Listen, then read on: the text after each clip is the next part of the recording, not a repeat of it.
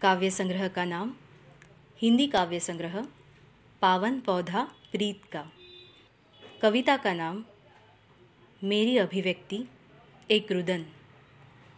लेखन कार्यकाल, साल 2019 प्रकाशन, साल 2020 मेरी अभिव्यक्ति, एक रुदन।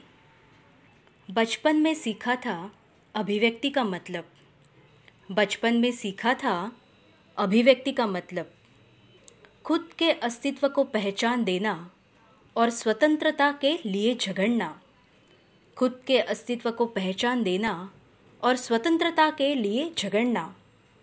अंधश्रद्धा से बैर रखना, पर सच्ची श्रद्धा को नमन करना। अच्छे संस्कारों से बढ़ना और सभी के शील का सम्मान रखना। अच्छे संस्कारों से बढ़ना और सभी के शील का सम्मान रखना। इंसानी मर्यादा का पालन कर अंत में पाना है रब। इंसानी मर्यादा का पालन कर अंत में पाना है रब। अब अब समय का चक्र ज़रा बदल सा गया। अब समय का चक्र ज़रा बदल सा गया। सारा जहान हुआ करीब। अब समय का चक्र ज़रा बदल सा गया। सारा जहान हुआ करीब।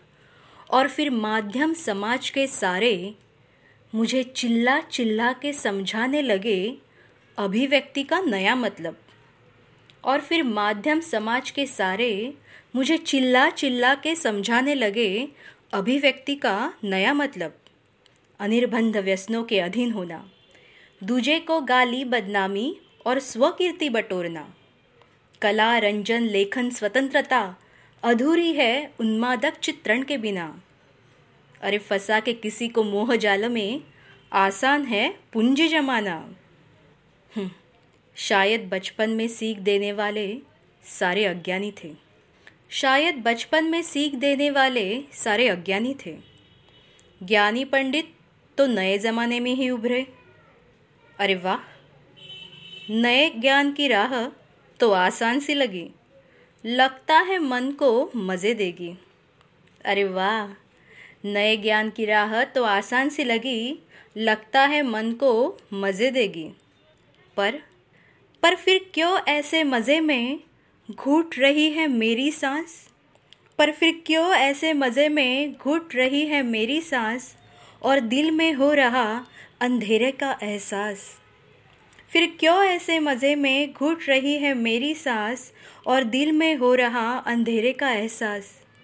ज़मीर भी बेचासा लगे। ज़मीर भी बेचासा लगे, सच्चा प्यार धुवे में गुमसा। ज़मीर भी बेचासा लगे, सच्चा प्यार धुवे में गुमसा। अब अंत में कैसे पाए रब? अब अंत में कैसे पाए रब? वारे मेरी अभिव्यक्ति। अरे वारे मेरी अभिव्यक्ति। कैसे उभर रही तू गजब? कैसे उभर रही तू गजब?